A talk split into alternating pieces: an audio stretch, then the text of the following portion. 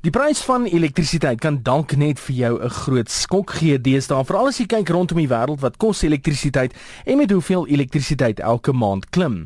Maar daar's 'n paar ander interessante, skokkende feite van elektrisiteit wat jy dalk nie van geweet het nie.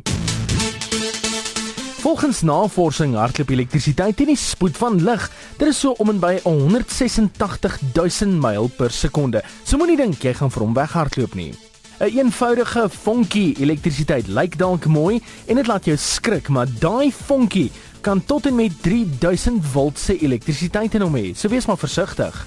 'n Weerligstraal, baie mooi in die verte, maar pas op as hy naby jou slaan en daar's 'n rede. 3 miljoen volt in minder as 1 sekonde. Dit is die raming van hoeveel elektrisiteit in 'n weerligstraal is. En met 'n weerligstraal in die agterkop, weerlig en elektrisiteit terloops, probeer altyd die vinnigste en die maklikste pad na die grond toe kry. Daarom sê hulle ook, moenie onder 'n boom staan as daar weerligstorm is nie. Elektrisiteit kan vervaardig word van wind, water, die son en selfs diere uitskeidings. Die enigste land in die wêreld wat omtrent 100% op hernubare energie loop, is IJsland. Dit verg 1 600 megawatt elektrisiteitshub om 220 000 huise van krag te voorsien. Die eerste kragstasie is geopen en besit deur Thomas Edison. Dit was in New York in 1882. En so gepraat van Edison, hy het meer as 2000 uitvindings op die ranke. Die meeste van hulle gebruik ons vandag steeds, soos byvoorbeeld die ligskakelaar, selfs ligmeters en elektriese proppe.